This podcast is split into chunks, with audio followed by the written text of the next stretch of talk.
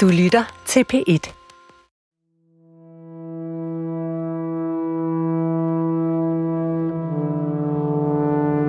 Jeg drømmer. Der er en lille pige inde i mig. Hun er så bange. Jeg kan mærke hende. Det er mig selv. Hun er urolig. Jeg starter med tallerkenerne. Smadrer dem ned i gulvet. Jeg kigger i skabene. Ildfaste fade. Knaller dem i gulvet af al kraft. De smadres i tusind små stykker. Glasene. Alt skal knuses. Jeg er klar.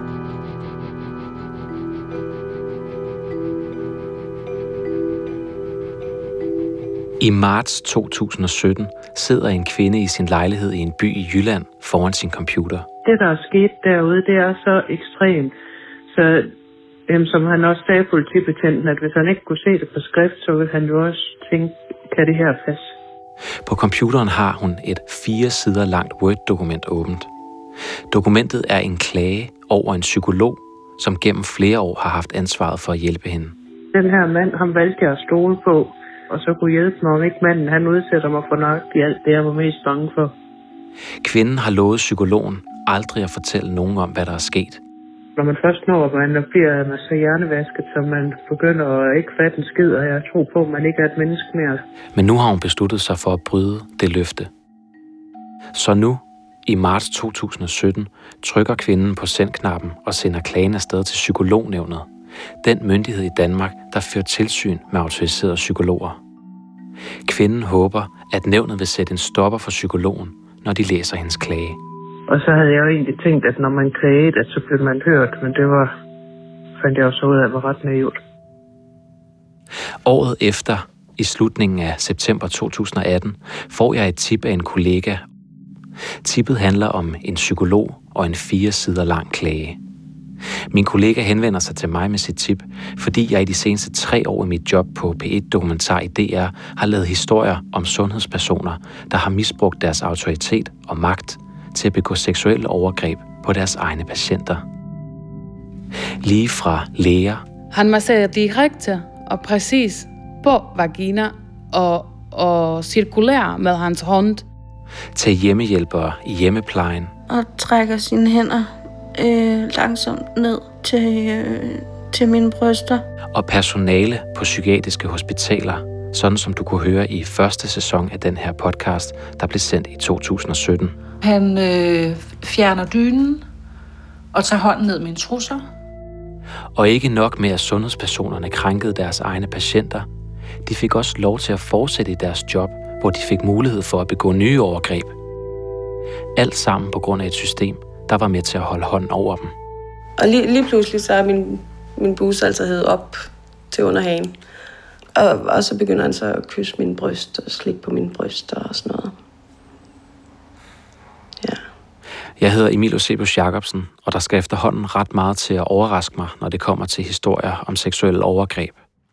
Men da jeg i slutningen af september 2018 begynder at kigge på det her tip om psykologen, har jeg svært ved ikke at føle mig dårligt tilpas. For hvis det, der står i kvindens klage over ham, er rigtigt, hvis det er foregået på den måde, hun fortæller, så er det her grotesk. Så grotesk, at jeg nødt til at vente med min redaktion. Jeg skal lige spørge, ja. hvor lang tid har vi? Og så sat flere til en time. Ja.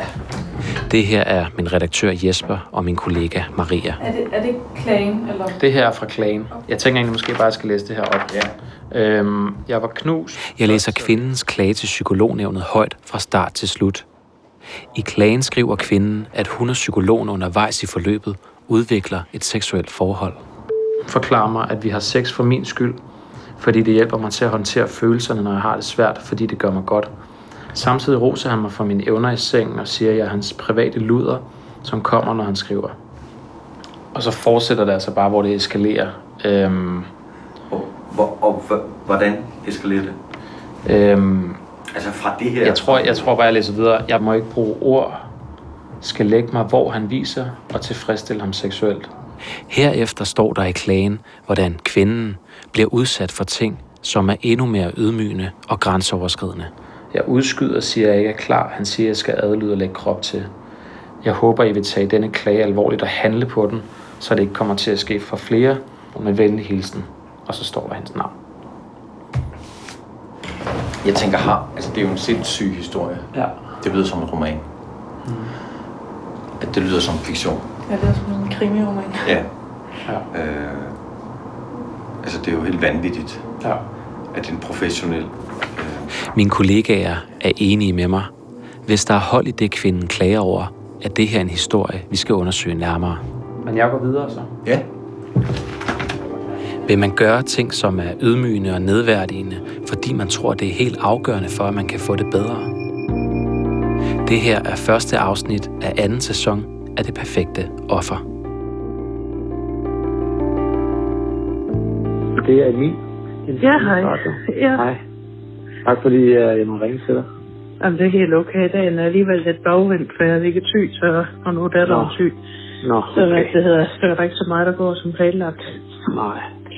Øh, Men- men, altså, så jeg tænkte egentlig bare, at jeg lige ville fortælle dig lidt om, øh, hvad man siger, hvem jeg er. Øh, Jamen, jeg har været inde og googlet dig lidt, og kunne så Okay. se lidt, at du har lavet noget lidt tilsvarende før og sådan Ja. noget.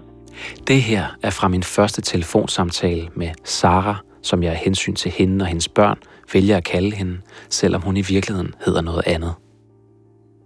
Der går ikke lang tid, før vi i vores første samtale taler om ham, psykologen.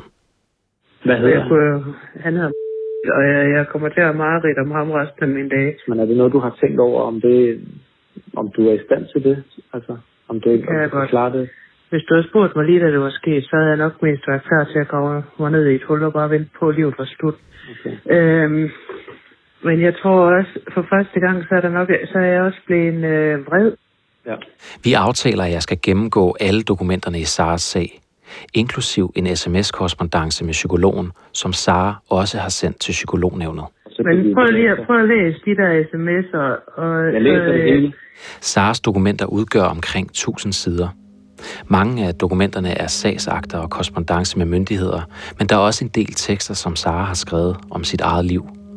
De handler om hendes barndom, ungdom og voksenliv, og om hendes mareridt og angstanfald, som hun har mange af. Jeg vil sige, netterne, det er dem, der er værst for mig. Hvorfor, kommer det op der, eller hvad? Der er det jo alle overgreb og alle mareridt, der kører. En af teksterne bærer titlen Glas og beskriver, hvordan Sara drømmer om at smadre alt glas, hun kan finde i sit hus, for derefter at rulle sig i det og forsvinde.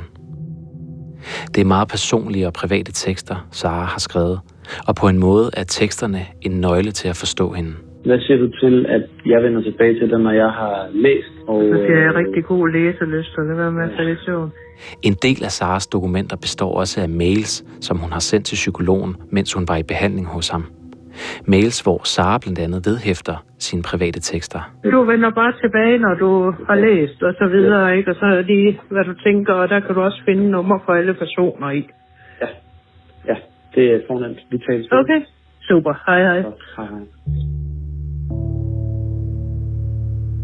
Den 9. oktober 2018 skal jeg for første gang mødes med Sara for at lave et interview. Men aftenen inden sender hun mig en sms. Kort efter ringer jeg op til min redaktør Jesper, som du hørte tidligere. Jesper, det er Emil. Kan du høre mig? Ja, det kan jeg. Nå, det er godt. Jeg vil bare lige nødt til at vende en besked med dig. Ja. Hun har lige skrevet, øh, hun var virkelig nervøs for at møde mig i morgen. Okay. Altså, så skrev jeg, nej, det kan jeg godt forstå. Så skrev jeg noget, du har brug for at vende. Og så skriver hun bare, nej, jeg har ligesom bare ikke så stor succes med at lukke nye mennesker ind i mit liv i øjeblikket. Har jo ikke den største succes med at lukke nye mennesker ind i mit liv. Øh, den har jeg sgu bare ikke lige prøvet før egentlig, på den måde der, så det giver meget god mening. Øh, Ja. At hun har det sådan, ikke? Ja. Så hun bare ikke så langt videre, som jeg lige troede, hun var. Nej. Altså, fordi hun har bare virket så ovenpå, når jeg har snakket med hende. Ja. Mens jeg taler med Jesper, går det op for mig, hvorfor Sara er så nervøs for at møde mig. Sidste gang Sara sendte sine egne dybt private tekster til en fremmed mand, der var det til psykologen. Sidste gang hun lukkede en komplet fremmed mand ind i sine dybeste hemmeligheder og sin fortid, var det psykologen. Sidste gang, der gik det galt. Når man først når, at man bliver så hjernevasket, så man begynder at ikke fatte en skid, og jeg tror på, at man ikke er et menneske mere. Det, det bliver meget spændende at møde hende. Ja, det gør det. Det gør det. Hej. Hej. Hvor godt finde frem. Ja, det kunne jeg. Hej. Hej. Godt at møde dig. Jeg kan lige finde det til sidst. Jeg har faktisk været herude et stykke tid, men øh, jeg kunne ikke huske, hvilket nummer det var. Jeg smider min taske hen i stedet. Så har vi præg af, at vi har haft børnefødselsdag i weekenden, så Ja, ja. jeg kunne godt se dig på flag. ja. Vi sætter os i Saras stue, midt i legetøj og fødselsdagsflag, og snakker om, hvordan hun har det, inden vi går i gang med at lave interviewet. Men det er bare vildt, at... Og jeg ved godt, det er så let at sige udefra, men det er bare så vildt at se udefra, at du kan... Der går ikke lang tid, før hendes mobil bipper. Jeg skriver lige til, at jeg er ok. Det er bare fordi, vi har altid sådan en aftale. Jeg skulle lige tjekke, hvad du var for en. Var det hende, der lige har skrevet, eller hvad? ja. Okay, spurgte om du var okay. Ja, ja. Ja. SMS'en kommer fra en af Saras bedste veninder. Sara har altså sørget for en form for backup i form af en veninde, hvis nu jeg skulle være en anden end den, jeg har sagt, jeg er. Kan du ikke prøve at fortælle mig, øhm, øh, bare helt kort, hvordan har du det egentlig med lige nu, at vi skal i gang med at tale om det her? Men jeg synes, det er enormt akavet. Det er, ja, grænseoverskridende. Hvorfor? Fordi at jeg jo helst vil have, at vi kunne få det til at forsvinde, og at der aldrig er sket. For at forstå, hvordan psykologen kommer ind i Saras liv, spoler vi tiden tilbage til før hun begynder i behandling hos ham. Til efteråret 2013, hvor Sara er i slutningen af 30'erne. På det her tidspunkt har hun det rigtig dårligt. Det kan jeg se i et notat, der er lavet af en kvindelig psykiater, som siden slutningen af 90'erne har haft Sara som patient, og blandt andet har hjulpet hende med at ordinere antidepressiv medicin. I efteråret 2013 skriver psykiateren i et notat til Saras kommune, at Sara har angstsymptomer af PTSD-lignende karakter, og at hun har mareridt og genoplevelser af talrige traumatiske episoder fra fortiden. Det er blandt andet de traumatiske episoder, som psykologen senere skal hjælpe Sara med at håndtere. Jeg har det også rigtig skidt på det tidspunkt. Det er, ja. Jamen, det er, jamen, hvordan det, det er sådan noget med at sidde i et rum, og så lukker døren. Og så tager jeg den der fornemmelse af, at nu er jeg lukket inde på badeværelset, nu kan jeg ikke få luft, jeg kan ikke komme ud, jeg ved ikke, hvornår jeg kommer ud, og så bare skulle ud, og så nærmest brage ud af lokalet, fordi jeg skulle bare ud have luft. At Sara får angstanfald, hvor hun føler sig lukket inde på badeværelset, er ikke tilfældigt. Det stammer, fortæller hun, fra barndommen, hvor hun voksede op med en mor, der ifølge Sara ikke altid magtede at være mor for hende. Jeg vælger at tro, at hun ikke har gjort de ting, hun gjorde af ondskab, men fordi hun selv havde det svært. Øh, fordi hun ikke rigtig magtede det. Hvordan du sagde de ting, det var nok ikke noget, hun gjorde med vilje. Hvad var det for nogle ting? Jamen, det var, at jeg var låst inde på badeværelset i mange timer. Jeg har brugt rigtig mange timer låst inde. Og det er meget voldsomt at sidde som et lille barn og være låst inde på et badeværelse fuldstændig alene, og der fik jeg også lært en teknik med at kunne krølle mig helt sammen i fosterstilling og lukke mig ind i mig selv, så jeg ikke kunne mærke noget, så tid og sted forsvandt. Og jeg fortalte jo aldrig min far eller nogen andre, at jeg var låst inde, fordi det gjorde man bare ikke. Og den ene gang, jeg kom til at bande og skælde grimt ud og så videre, der fik jeg hældt sæbe i munden for at blive renset, så at jeg ikke sagde grimt den anden gang. Et andet minde, som Sara får hyppige flashbacks til i 2013, er et seksuelt overgreb, der ifølge Sara sker, da hun er omkring 11 år gammel. Jeg gik ned til fiskemanden hver dag og hentede fisk til vores kat.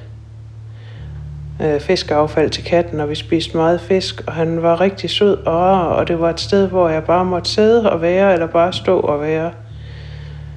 Og um, der følte jeg mig tryg. Jeg var rigtig bange for at være hjemme, fordi stemningen den var meget ubehagelig.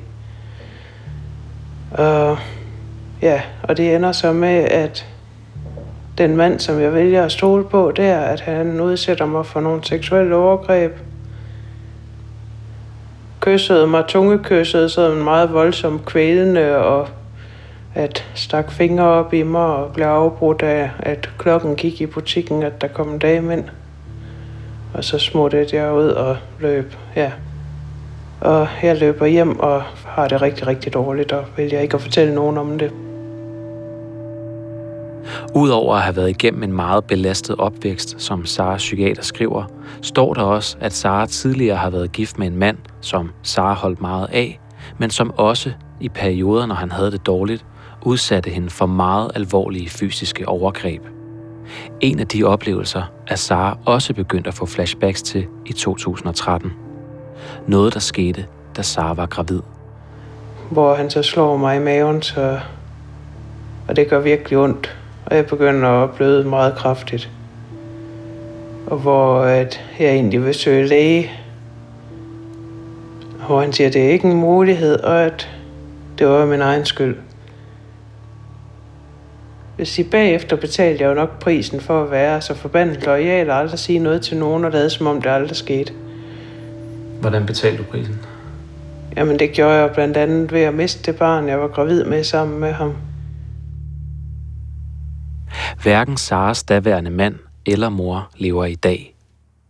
Jeg har været i kontakt med flere af deres nærmeste pårørende, og ingen af dem sætter spørgsmålstegn ved, at Sara har oplevet de ting, hun fortæller.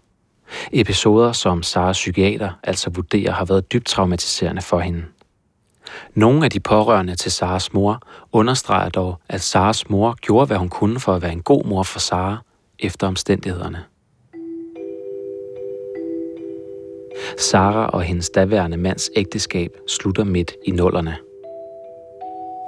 Et år efter møder Sara en anden mand, som hun altså nu på det her tidspunkt i efteråret 2013 har været sammen med i flere år og er gift og bor sammen med. Han kunne rigtig godt lide mig, og han slog ikke, og han bød på rød sodavand i stedet for øl. Altså, Men samtidig med, at Sara altså på det her tidspunkt får alvorlige angstanfald og flashbacks, har hendes nye mand det også svært. Han er svært depressiv. Jeg er så svært depressiv til sidst, så han indimellem ligger på gulvet og kan ikke rejse sig op og har det virkelig, virkelig dårligt. Og jeg er træt. Jeg er virkelig træt. Du finder ham grædende, Jamen, lig, jamen, jeg ligger på gulvet, og han kan ikke rejse sig op, og han tror, det er kroppen, den er gal, men han kan ikke forstå, at det kan være noget psykisk. Jeg har været i kontakt med manden, som bekræfter, hvad Sara fortæller. Så som du nok kan høre, er Sara altså på det her tidspunkt voldsomt udfordret. Alt imens hun selv får flashbacks og svære angstanfald, er hendes mand også syg, og samtidig prøver Sara også at være en god mor for sine børn. Men så er det, at Sara kommer i tanke om en psykolog, hun flere år tidligere har oplevet på et kursus i forbindelse med sit arbejde. Jamen, der virkede han bare, han kunne bare fange hele rummet. Sådan en af dem, der bare har sådan en karisma, så man bare tænker, wow. Og øh, jamen, han, øh, han var bare ufattelig behagelig. Så nu opsøger Sara og hendes mand psykologen. Jamen, han kommer rigtig godt ind på livet der, så vi snakker rigtig godt, og ja, bliver enige om at fortsætte. Selvom terapien er hjælpsom for parret, får Sara det værre. I et af journalnotaterne fra hendes psykiater står der, at Sara i april 2014 befinder sig i et ekstremt alarmberedskab, og at der nu er tale om en klar tilstand af PTSD. Så nu begynder Sara i soloterapi hos psykologen. Hans opgave er at lære Sara mindfulness-teknikker, så hun kan lære at håndtere sin angst. Hvor at det så er meditation og mindfulness, og hvor jeg skal mærke i kroppen de forskellige steder og være i mig selv og, og have ro på og lære at få ro i hovedet, fordi at jeg konstant er i alarmberedskab. Jeg slapper aldrig helt af. Jeg sidder nærmest altid sådan anspændt i sofaen i en, lige en halv centimeter over og klar til at springe. Og hvis at, at der var nogen, der gik bag ved mig, og jeg ikke hele tiden har kontrol over det, eller at der var nogen, der lavede en hurtig bevægelse hen imod mig, at så øh, blev jeg også enormt bange for at blive slået. Og det, det lå meget dybt, den der med at være på vagt hele tiden. Saras psykolog har mange års erfaring i mindfulness-behandling. Men for Sara er det ikke bare lige sådan at lære mindfulness og meditation. det er meget, meget voldsomt for mig at starte på mindfulness. Det er, jeg tror, det er det mest ekstreme, jeg nogensinde har prøvet at skulle lukke øjnene og sidde stille og trække vejret og mærke det, der er inde i. At det var meget voldsomt for mig og meget svært at være i. Voldsomt, fordi det her er en helt ny måde for Sara at håndtere sin angst på. Nu skal hun mærke og rumme alle de angstfulde og paniske tanker, i stedet for at flygte fra dem, som hun altid har gjort. Nu skal hun lære at lade angsten være, og på den måde give slip på den. Men selvom det er svært, husker Sara, hvordan hun bliver opmuntret af psykologen. Han lægger på intet tidspunkt skjul på, at han har nøglen til at løse det her. At alt, hvad der sker, det er rigtigt, og at øh, det går meget bedre, end han havde forventet. Og hvis vi bare bliver ved sådan her, så bliver alting godt.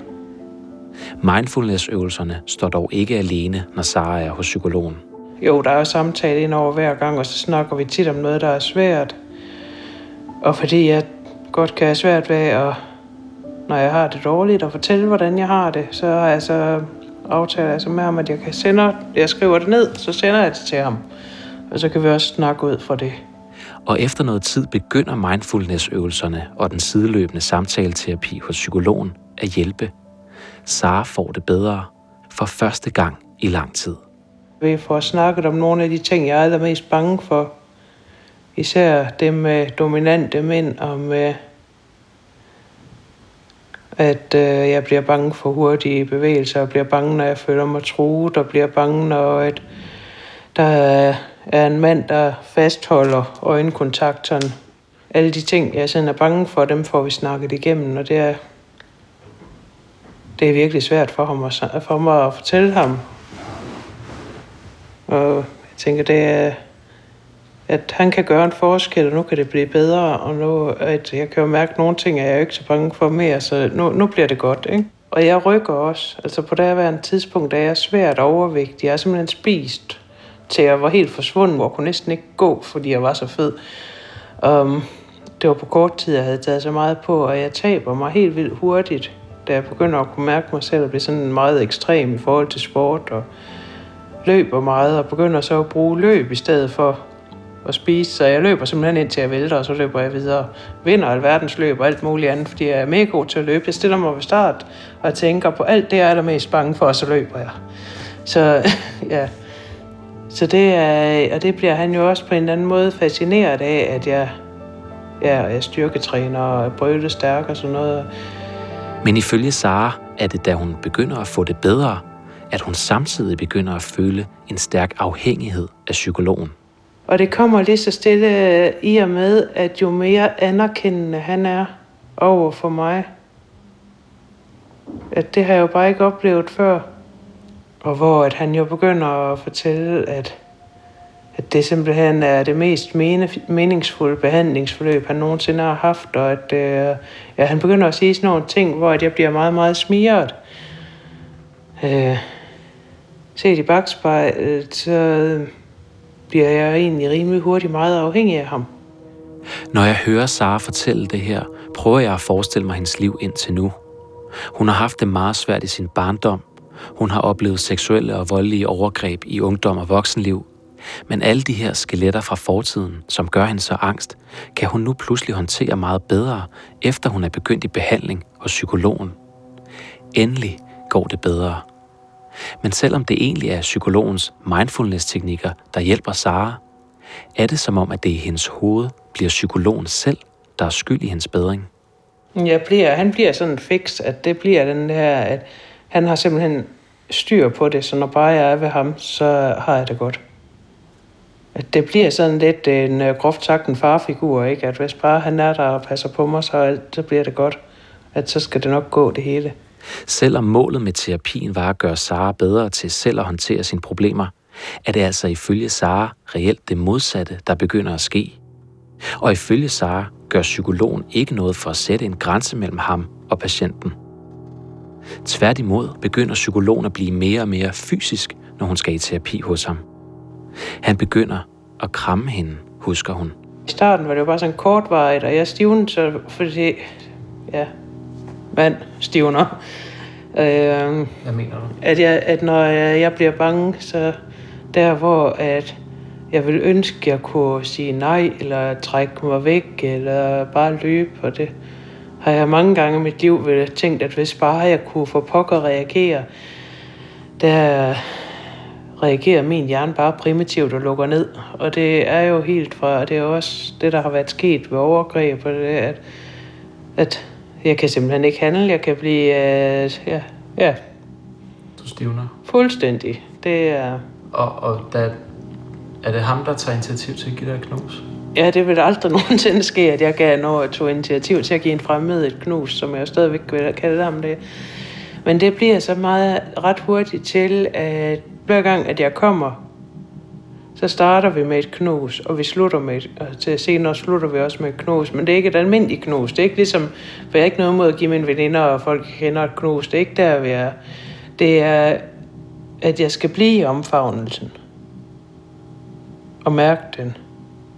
Ja, og det foregik jo i venteværelset, hvor der også, ikke når der var andre, kan jeg huske nu, men hvor at der jo også kom andre ind, ikke, og til de andre psykologer, der var der dengang.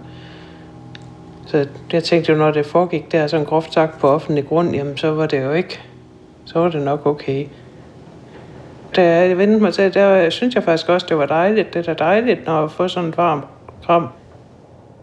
I løbet af 2015, altså året efter hun er begyndt i soloterapi hos psykologen, begynder han at blive mere og mere privat, fortæller hun. Han, han sidder og kigger mig i øjnene og fortæller, at vi er ens, vi er ikke forskellige, vi er ens, og at han ved, hvordan jeg har det, for han har været udsat for det samme, hvor jeg tænker, ej, okay, han, han fortæller mig virkelig hans private dele, ikke? At, at øh, så tør jeg også godt fortælle ham, og det her det er en samhørighed på en eller anden måde. Så tænker jeg jo også, at øh, ej, hold da op, han, øh, han har faktisk oplevet det samme. Og hvor at han så bliver mere og mere personlig, charmerende og sød, og ja. Så man, bliver du hurtigt betaget af ham? Meget, virkelig meget.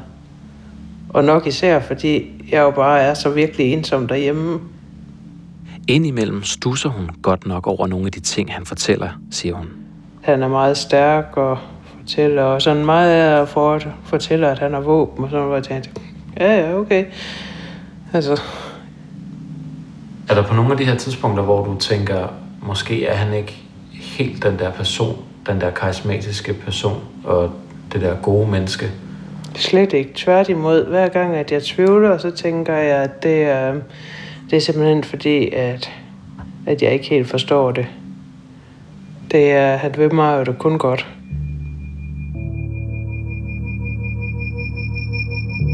Men i løbet af 2016 begynder det at vende.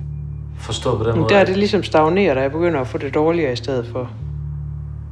Den fremgang, Sara har oplevet, forsvinder. Og nu begynder hun igen at få voldsomme flashbacks og mareridt. Prøv at forestille dig, at du åbner Pandoras æske. Det er nok det nemmeste, at jeg begynder at få det bedre, men hvis du alt det, jeg har lagt låg på og så videre, der bliver det bare rykket af låget. At, øh, så på den måde, at jeg skal lige pludselig forholde mig til alt det, jeg har brugt et helt liv på at undgå.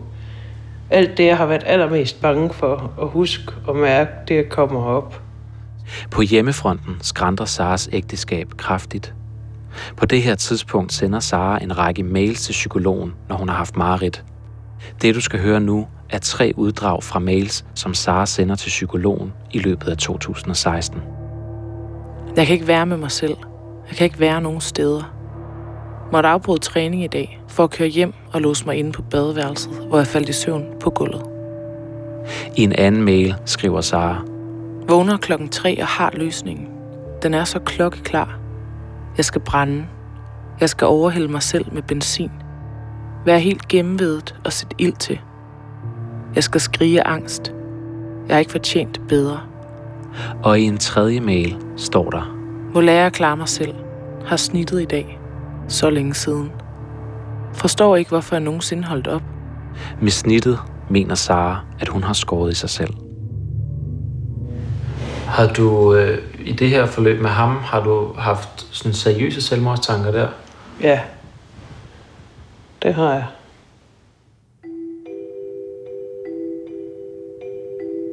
Her befinder Sara sig altså i efteråret 2016, omkring to et halvt år efter hun begyndte i soloterapi hos psykologen. De redskaber, som psykologen oprindeligt lærte hende, mindfulness og meditationsteknikkerne, de virker ikke rigtig længere, oplever hun. Og hendes gamle strategi, at forsøge at flygte fra angsten, virker heller ikke længere. Jeg mister mit allerældste og allerbedste forsvar med at kunne gemme mig i hovedet, fordi... Ja. Så hvad gør Sara nu? Hun vender sig med al den tillid og alt det håb, hun har mod psykologen. Det menneske, hun er blevet dybt afhængig af, og det menneske, der jo tidligere har hjulpet hende til at få det bedre. Fordi så længe jeg har ham, så kan han sikre mig, at, at jeg bliver ved med at have det godt, at så får jeg det godt. Og ifølge Sara lægger psykologen heller ikke skjult på, at han er løsningen. Det er ham, der er løsningen. Og han snakker også, at vi skal snart have samtaler i mindst 10 år, fordi det her det kan blive på livstid. Sara fortæller, at hun derfor heller ikke ser alarmklokkerne ringe, da hun oplever, at krammene bliver en mere og mere hyppig del af behandlingen. Tværtimod begynder hun at værdsætte de kram, som hun til at begynde med synes var akavet. Nu giver de hende noget, som hun desperat længes efter, når hun har det skidt. Ro. Når vi havde arbejdet med noget, der var rigtig svært, at så som belønning, så fik jeg et kram. Så blev det bare sådan en kutume, at hvis jeg var ked af det, eller meget angst, at så holdt han om mig. Og det synes jeg jo var dejligt og beroligende. Men i slutningen af oktober 2016 foreslår psykologen en ny strategi, der skal hjælpe hende til at få det bedre, fortæller hun. Og så um, begynder han at snakke om, at han tænker, at næste skridt i det her, det er, at jeg skal simpelthen uh, øh, føres tilbage og gennemleve nogle af de ting, jeg har været igennem. Sådan virkelig gennemleve, og det kan tage lang tid. Så derfor skal jeg komme ud til ham en fredag eftermiddag, og så sætter han nogle timer af til det. Og der ligger jeg så ned, og han sidder med hænderne øh, på mit hoved. Ifølge Sara fører psykologen hende nu tilbage til hendes barndom, hvor hun i detaljer skal gennemgå, genfortælle og mærke det overgreb, som hun blev udsat for af manden i fiskeforretningen, da hun var omkring 11 år gammel. Der fortæller jeg om den fiskemand, der har udsat mig for overgreb. Øh, kyssede mig, tungekyssede, sådan meget voldsomt kvælende, og at stak fingre op i mig. Mens Sara gennemlever overgrebet, ligger hun med hovedet i psykologens skød, fortæller hun. Og øh, det er aldeles rædselsfuldt at ligge med lukket øjne og huske hver en detalje af et overgreb. Og næsten endnu værre at huske tiden efter. Det, den var værre end selve overgrebet. Da Sara kommer hjem, har hun det værre, end hun har haft det meget længe. Overgrebet fra barndommen sidder fast. Det vil ikke gå væk. Jeg er så bange for at være alene, og jeg, har, jeg føler mig ligesom et lille barn der, der har været udsat for overgreb. Som du måske kan huske, har Sara flere gange tidligere skrevet til psykologen, når hun har det dårligt. Så det gør hun også nu, siger hun. Jeg får givet familien mad og så videre, og traver hvileløst rundt, og ender med at skrive til ham sent om aftenen, fordi jeg kan simpelthen ikke holde ud at være nogen steder. Og jeg har det virkelig dårligt. Og hvor han så skriver, at noget retning af, at han er ked af det, og at øh, det skulle nok heller ikke have været en fredag aften eller eftermiddag, han satte så noget i gang med en hel weekend foran, men at jeg kunne komme ud til ham. Og der stod jeg lidt over, fordi det var sådan omkring midnatten, så også, okay, jeg har da røven til, jeg ved ikke, hvad jeg skal gøre. Så jeg ender med at køre ud til ham. Sara kører ud til psykologen, der bor i en lejlighed, der ligger i samme bygning og på samme etage som hans klinik.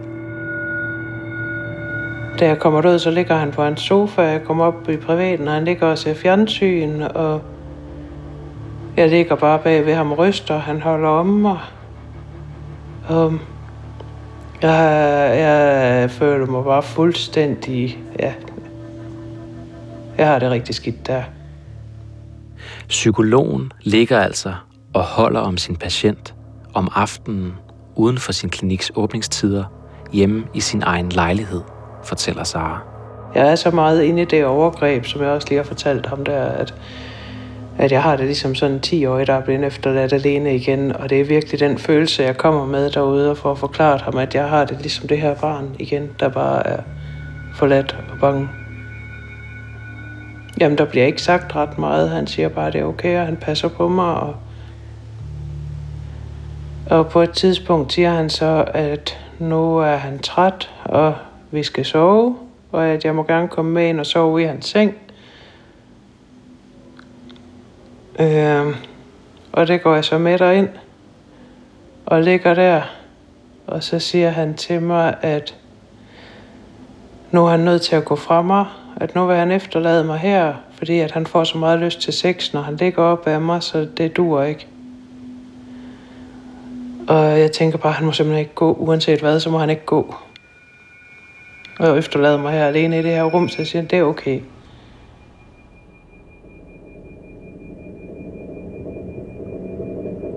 Jeg drømmer. Glassene. Alt skal knuses. Det ligger i en bunke på gulvet. Jeg går ind i mig selv og finder pigen. Vi holder hårdt om hinanden. Vi ser kroppen rulle sig i skoene på gulvet. Først er den forsigtig, så ruller den sig mere intenst. Tager armene over hovedet, lader skoene få plads til at arbejde. Vi knuger hinanden og forsvinder. Forsvinder til et sted langt væk, hvor vi aldrig mere skal være bange.